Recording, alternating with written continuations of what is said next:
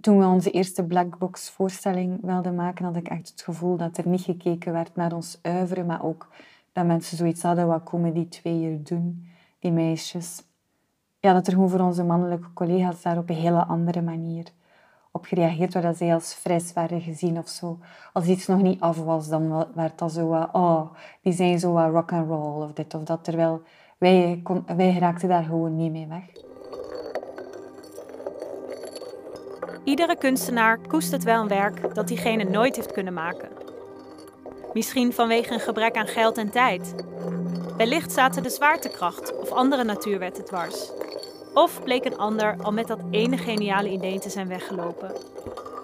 In deze podcast gaan Maurits de Bruin en ik, Lineke Hulshoff, met kunstenaars in gesprek over kunstwerken die het daglicht nooit hebben gezien. En over de betekenis van succes versus falen. Je luistert naar een productie van De Brakke Grond en Mr. Motley. Dit is Kan niet bestaat niet.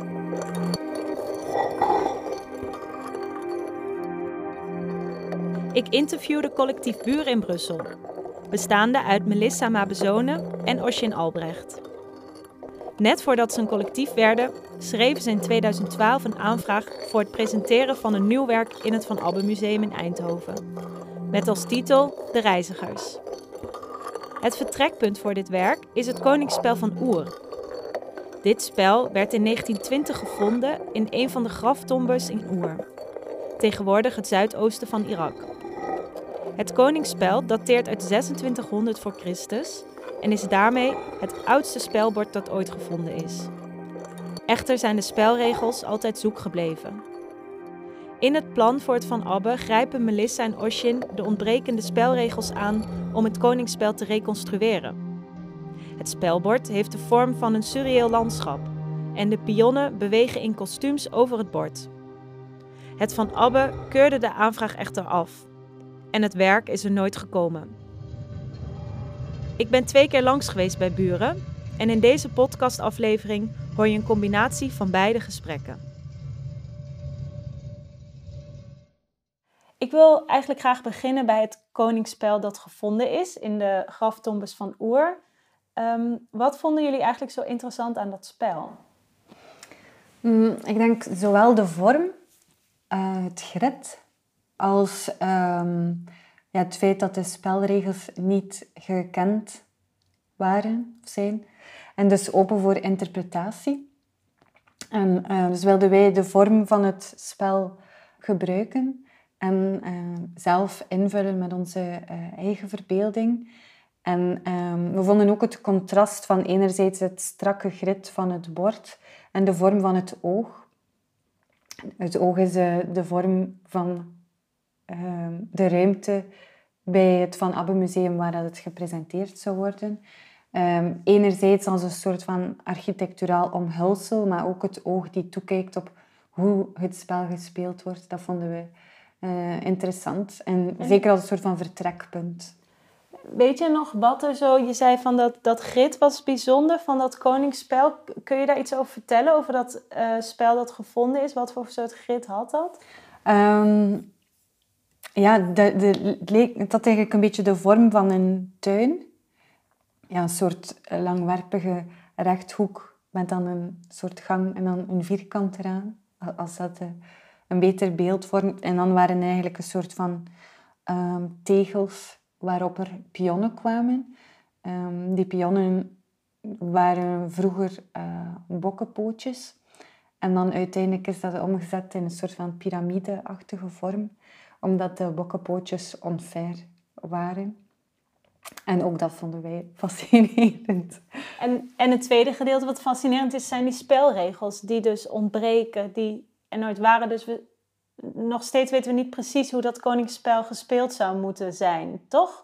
Ja, inderdaad. En uh, er zijn natuurlijk allerlei uh, wetenschappers en archeologen die er, die een soort van invulling aan gegeven hebben. En als we terugkijken uh, naar ons dossier, hebben wij dat dus ook gedaan. Maar bij het herlezen vind ik het zelf al moeilijk om helemaal te begrijpen wat de logica was. Um, maar wij zagen al sinds de pionnen als een soort van reizigers die wij bewegen. En um, dus die een soort van traject in het landschap wat dan het spelbord is, afleggen. En um, doorheen die reis, uh, in het vertrekken en het terugkomen, ontstaat er een soort van transformatie van de pionnen, als ook een ontmoeting tussen de verschillende pionnen. Maar het is natuurlijk fascinerend, een soort van dat we in de jaren twintig een spel vinden van duizenden jaren geleden. En de spelregels ontbreken, daar zit iets heel poëtisch in, in dat gegeven. Ja, inderdaad. En ehm, ik denk wat, ons ook aangreep, was dat zo'n spelbord, die dan een architecturale vondst is, een soort van vrijgeleide is om een spel te spelen en om te beginnen spelen. Hoe zou jullie spel eruit zien? Of wat wilden jullie daar gaan maken?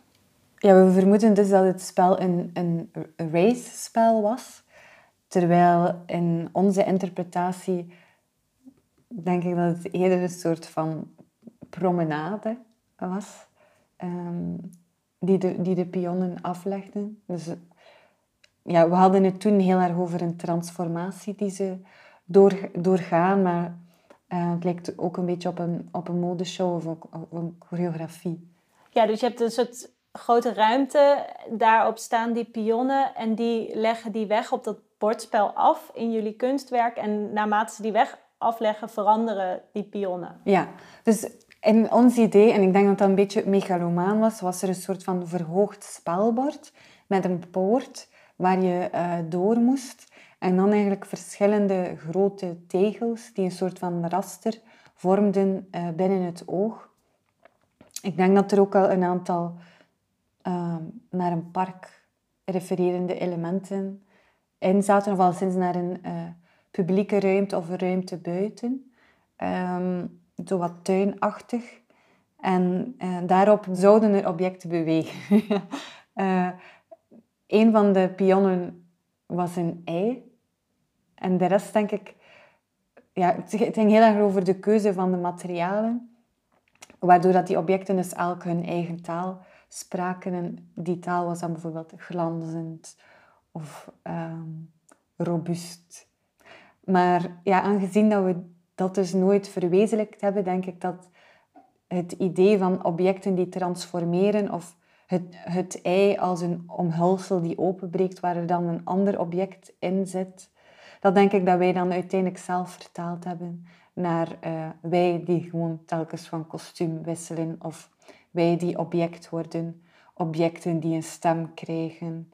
Um, maar hoe, hoe, ze zich precies zouden voortbewegen, daar ben ik wel nieuwsgierig naar. Ik weet dat we toen heel erg geïnspireerd waren door uh, Oscar Schlemmers Triadisches ballet. Um, en dus, dus in onze verbeelding was dat ook een soort van cadans waarop de pionnen zich um, voortbewogen.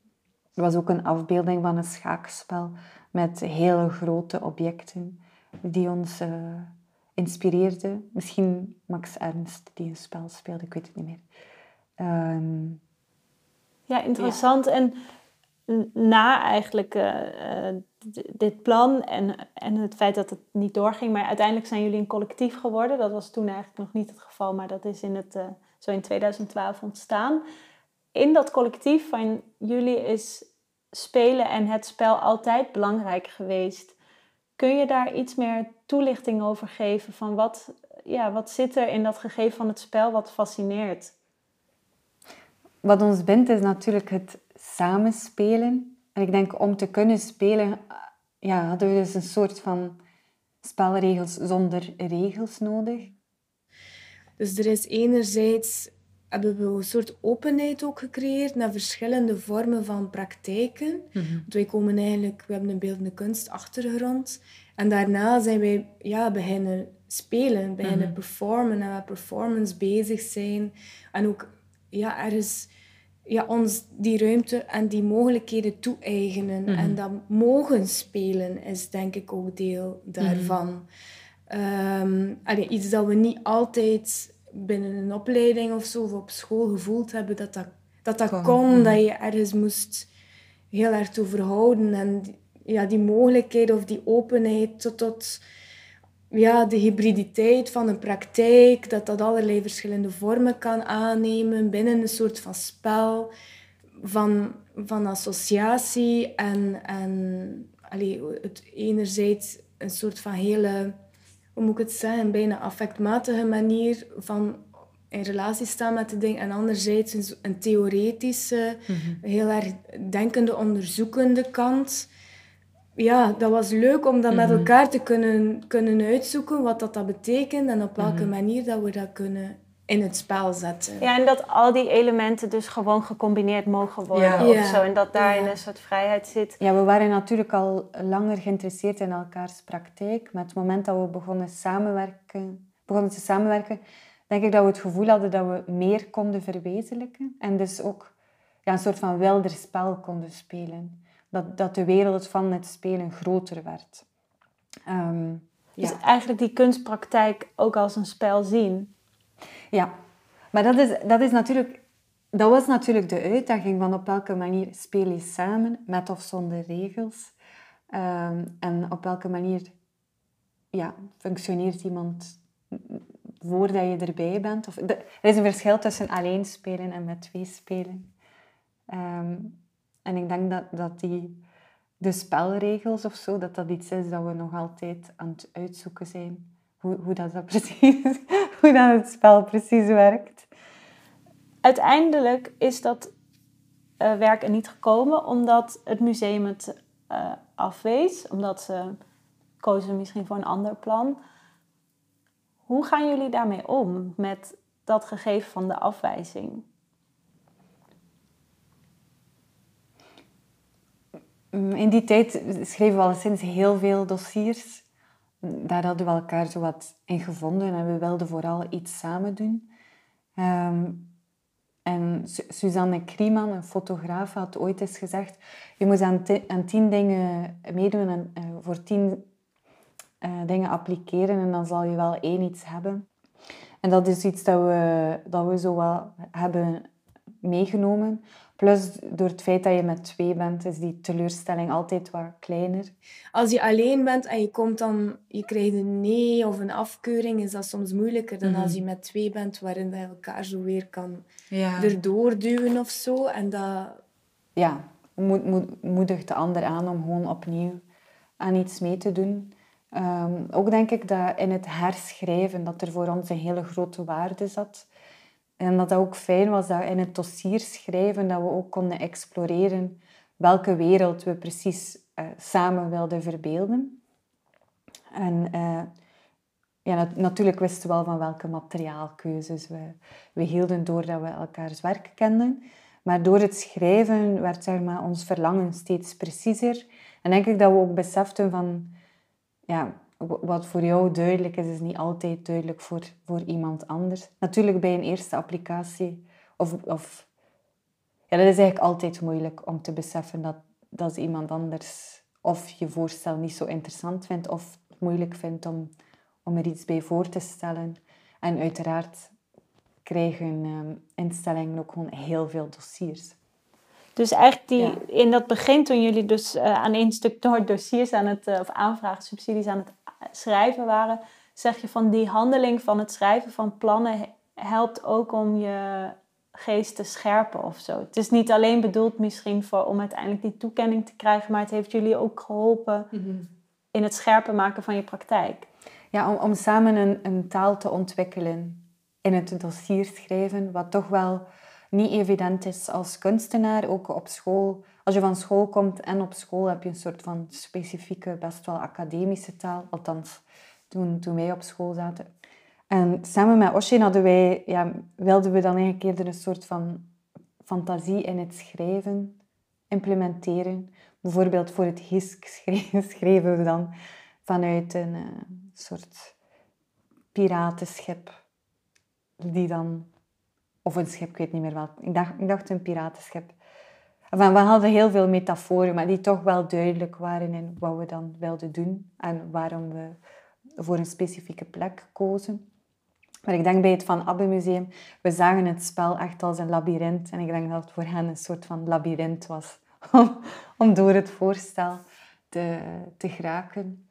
Um, plus het zou kunnen dat het ook gewoon te, te megalomaan was ja, de reizigers is er dan niet gekomen, maar dan het, ons eerste werk Buren wel. Uh, wat dan voor ons het begin van, van een samenwerking was. Ehm, soms, soms klikken de dingen gewoon. En ik denk dat wij ook proberen te geloven dat dingen soms een tijd hebben. Misschien heb je ook als kunstenaar, als je terugkijkt, nu zo tien jaar geleden, het plan bij Van Abbe was een nee, die ging niet door. Misschien kun je die nee op een gegeven moment ook serieus nemen. Of dat je nu kan zien van, oh ja, misschien was dat ook niet het moment dat het doorging. Kijk je er ook zo op terug? Wel, er, er, zijn, er zijn verschillende opties. Soms heb je gewoon pech. Als er, eh, als er heel veel dossiers zijn, of er is een dossier die gelijkaardig is, of er zijn gewoon echt heel veel goede, solide dossiers, en dan heb je gewoon pech. Um, anderzijds, Oshin en ik zitten soms in commissies waarbij we zelf dossiers lezen en dan merk je gewoon van ja, soms is iets gewoon te vaag. De truc is eigenlijk hoe kan je uh, en een verbeelding scheppen um, in je aanvraag dat iemand het zich kan voorstellen wat je effectief wil realiseren. Dat is nu ook de moeilijkheid van deze podcast eigenlijk, denk ik. En dat iemand zich er iets uh, bij kan voorstellen en dat het tegelijkertijd uh, op een manier een beetje theoretisch onderbouwd is. En dat het ook open genoeg is, want meestal moet je er nog aan beginnen aan dat werk. Of deels. Heb je iets deels al, maar moet er eigenlijk nog veel gebeuren. En heb je ook de ruimte, de tijd en de middelen nodig om het verder te ontwikkelen. dat is super hard. Ik denk dat het voor ons interessant was om ook eens in de andere positie te zijn, degene die leest. En dan merk je hoe moeilijk dat is om een nee te geven aan iemand ja, misschien is dat eigenlijk nog het, het vreedst of zo. Het is eigenlijk gewoon niet mogelijk dat alles verwezenlijkt wordt.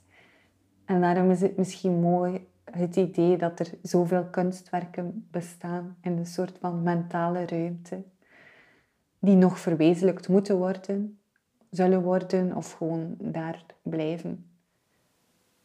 Ik kan me ook voorstellen dat het als kunstenaar ook een soort troost kan bieden om een paar van die mentale kunstwerken te hebben. Dus het kan ook misschien fijn zijn om een plan te hebben waar je aan vast kan houden, wat misschien wel nooit fysiek gaat worden. Ja, daar moest ik onlangs over nadenken, hoeveel werken er bestaan. Of die we, samen, die we samen hebben opgeschreven of hebben besproken op de bus of op de fiets. Uh, of gewoon dagboeken vol met ideeën al dan niet uitgewerkt in verschillende stadia. Ehm, en wat, ja, wat er daar dan mee gebeurt. Uh, ik ben een keer een dagboek kwijtgespeeld. En toen dacht ik, ja, wat nu met alles die daarin staat? Los van persoonlijke informatie ook gewoon alle ideeën. Maar er komen dan wel gewoon nieuwe, nieuwe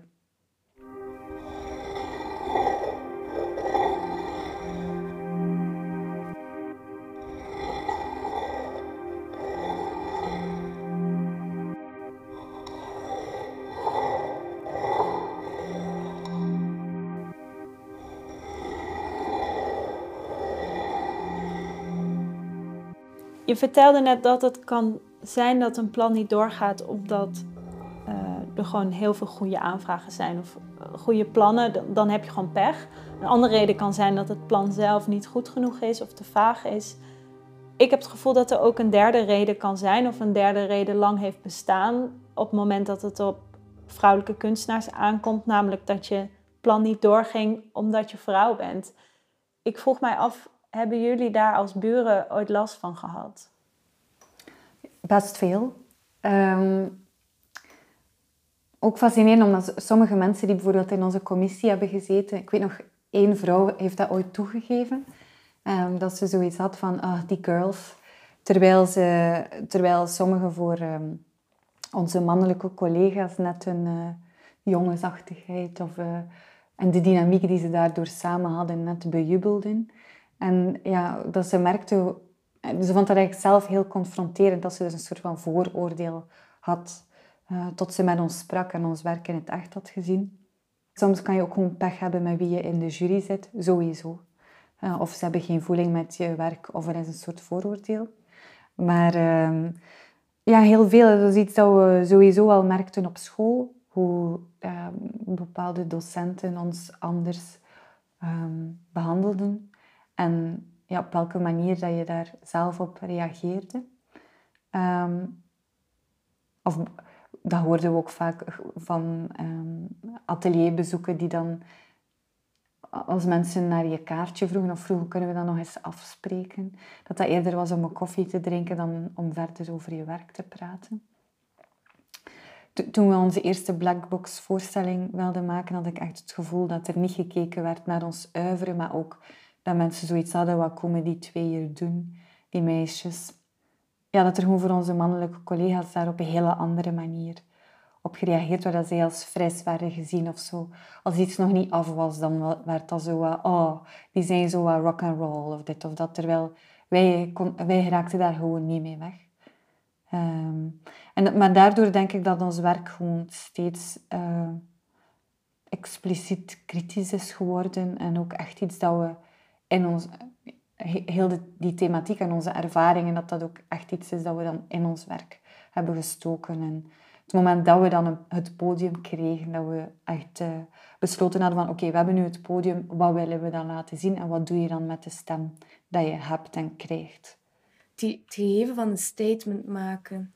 En ergens voor mij, of ik vind het, of voor ons denk ik ook, belangrijk dat, dat, dat er in het statement of in hetgene dat je poneert, door dat op dat podium dan ook te zetten, dat die, de ambiguïteit en de, de manier van een zoektocht voor ergens mee om te gaan, de verschillende kanten die aanwezig zijn in iets, dat ook ergens te tonen, is ook een soort van statement mm of zo. Ja, en op het moment dat jullie dat podium kregen, toen dachten jullie, nu gaan we het ook vertellen of nu gaan we het ook laten zien. Ja, ja. En dat was ook fascinerend, want het moment dat we dan begonnen te spelen, dus begonnen te repeteren, merkten we heel erg uh, een soort vorm van zelfcensuur. Ah, maar als ik dit doe, dan komt dat, dan is dat, dan komt dat zo of zo over, of dan ben ik te dit of dat. Um, dat kostuum is te dit of te dat. En dan heb ik besloten om dat gegeven opnieuw te gaan inzetten. Um, ja, we waren heel erg geïnteresseerd in een stem krijgen, maar ook de stem die je dan gebruikt. En uh, ja, 70% van de vrouwen spreekt met een hoge, hogere stem dan de stem die ze eigenlijk hebben.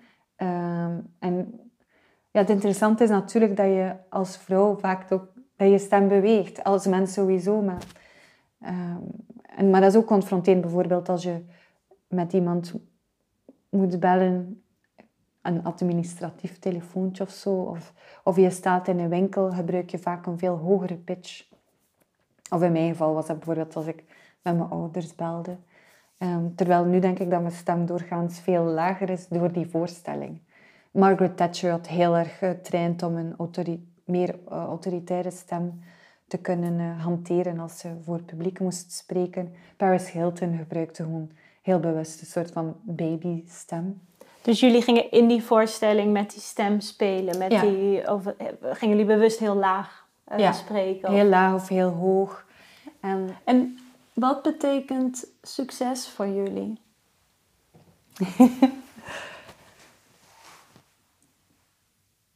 ja, daar had ik dus eens goed over, over nagedacht. En toen kwam ik tot de vaststelling dat dat was om iets te kunnen maken met de middelen dat je op dat moment nodig hebt. Bijvoorbeeld als je een heel groot project wil maken, dat je een team hebt die je daarbij kan helpen. En die je zeg maar uh, ja, stimuleert en energie geeft en mee naar, uh, mee naar boven telt. Dat kan gaan ook van bijvoorbeeld de materialen of de technisch materiaal waarmee dat je werkt, de mensen, um, de ruimte. En dat er daar dus ja, die middelen voor zijn. En, maar dat kan ook zijn dat je bijvoorbeeld uh, twee maanden zou willen schrijven en dat er daar dan tijd en ruimte voor is. Dat je daarin rust kan vinden.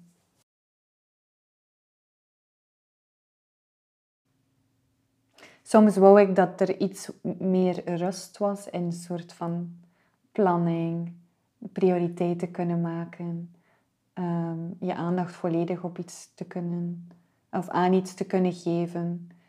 En soms lijkt het alsof dat we daarin falen. Of ehm, ja, zo het gevoel hebben achter iets aan te hollen. Voelt soms een beetje als falen. Alsof je niet professioneel genoeg bent. Ehm, maar dan bijvoorbeeld ook niet sociaal genoeg of niet genoeg tijd met je vrienden kan doorbrengen. Dat kan voor mij ook wel een soort van falen voelen. Een vriendin van me zei onlangs, ja, yeah, but you do you. Do you. Je, je doet, jij doet dingen hoe dat jij ze doet. En ja, soms moet ik gewoon vaak denken aan een soort van wenselijke versie van jezelf. En hoe je dan zou willen dat je de dingen doet of zou aankunnen. Um, ik, ik denk voor, voor Rosje en mij dat, dat dat iets is dat ons sinds het begin achtervolgt. Iemand zei, ja, maar jullie zijn zo amateur in alles. Maar natuurlijk, en die vond, die vond dat iets positiefs. Maar natuurlijk word je op, op een duur steeds beter in iets. Hoe meer je doet, dan ben je, dan ben je daar geen amateur niet meer in. Maar dan waren er ook curatoren die zeiden, uh, je moet één iets kiezen. Dit is te verwarrend wat jullie doen. Jullie doen te veel verschillende zaken. Uh, dus waarschijnlijk zijn we daarin gefaald, in het in één iets kiezen. Mm, maar dat zit dan in, in, de aard van het, uh, van het beestje, van het burenbeestje. En dat denk ik, dat is soms iets waar, waar en ik dan tegenaan botsen van ja, uiteindelijk hebben we dat eigenlijk... Dus we beseften ook dat in het maken van een voorstelling, dat er, dan, dat er vaak heel veel afgeleiden aan vooraf gaan. En dat we ook graag, als er dan een vraag komt, dat we graag willen kijken op welke manier dat we daar een antwoord op kunnen formuleren. Als er gevraagd wordt, kunnen jullie iets doen voor een um, audiofestival, festival, dat we dan um, bepaalde nummers of tekstfragmenten voor, voor een performance omzetten tot audiowerken. Ehm, als er een magazine ons uitnodigt, dat we dan heel ver gaan in het creëren van beelden die, die dan later weer inspirerend zijn voor de performance. En dat al die dingen eigenlijk naast elkaar bestaan. En uiteindelijk zijn we dat steeds meer gaan accepteren en ook gewoon... Uh, nu proberen we dat in te bouwen. En dit is onze manier van werken. Maar je hebt soms tijd nodig om dat te begrijpen. En dus uiteraard is het, is het belangrijk om toe te staan dat je faalt. Net als dat ik het belangrijk vind dat je op iets werkt dat het klopt of toch voor jou goed voelt. En de oefening is wanneer laat je iets los in die beide uitersten of zo. Alhoewel dat het dus niet zo uiterst zijn, want soms ligt, dat, ligt het falen en het en iets slaan heel dicht bij elkaar. Ehm, ja, je probeert een soort van transparantie af te dwingen door ook door de manier hoe dat je zelf in iets gaat staan. En, ehm, ja, dat is ook fijn dat we met bepaalde programmatoren bijvoorbeeld een goede, een betere band hebben. Um, ik weet niet goed waarom dat ik dat zeg. Waarschijnlijk omdat ik dat ook iets, aan, iets aangenaam vind. Dat je ook op een open manier over je werk kan praten. En ook over je twijfels. Want heel vaak moet je een soort van pocherige... Um, Elevator pitch geven. alsof je alles al weet. Wat natuurlijk niet zo is. Dus ik denk dat we dat, we dat ook geleerd hebben om gewoon ehm, duidelijk te kunnen stellen van oké, dit weten we en dit niet. En daarom willen we de tijd krijgen om... Um, en om iemand daar ook deel van uit te maken. Want dat denk ik dat, dat het misschien is dat alle partijen zich betrokken willen voelen of gewoon het gevoel willen krijgen dat ze ja, dus opnieuw zich iets kunnen voorstellen.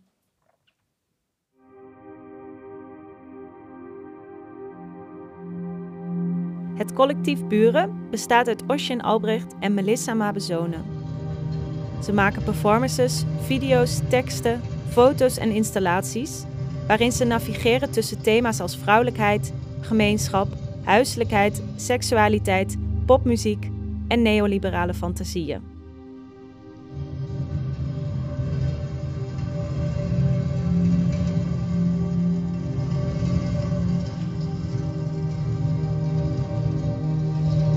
Kan niet bestaat niet is een productie van Vlaams Cultuurhuis De Brakke Grond en Mr. Motley.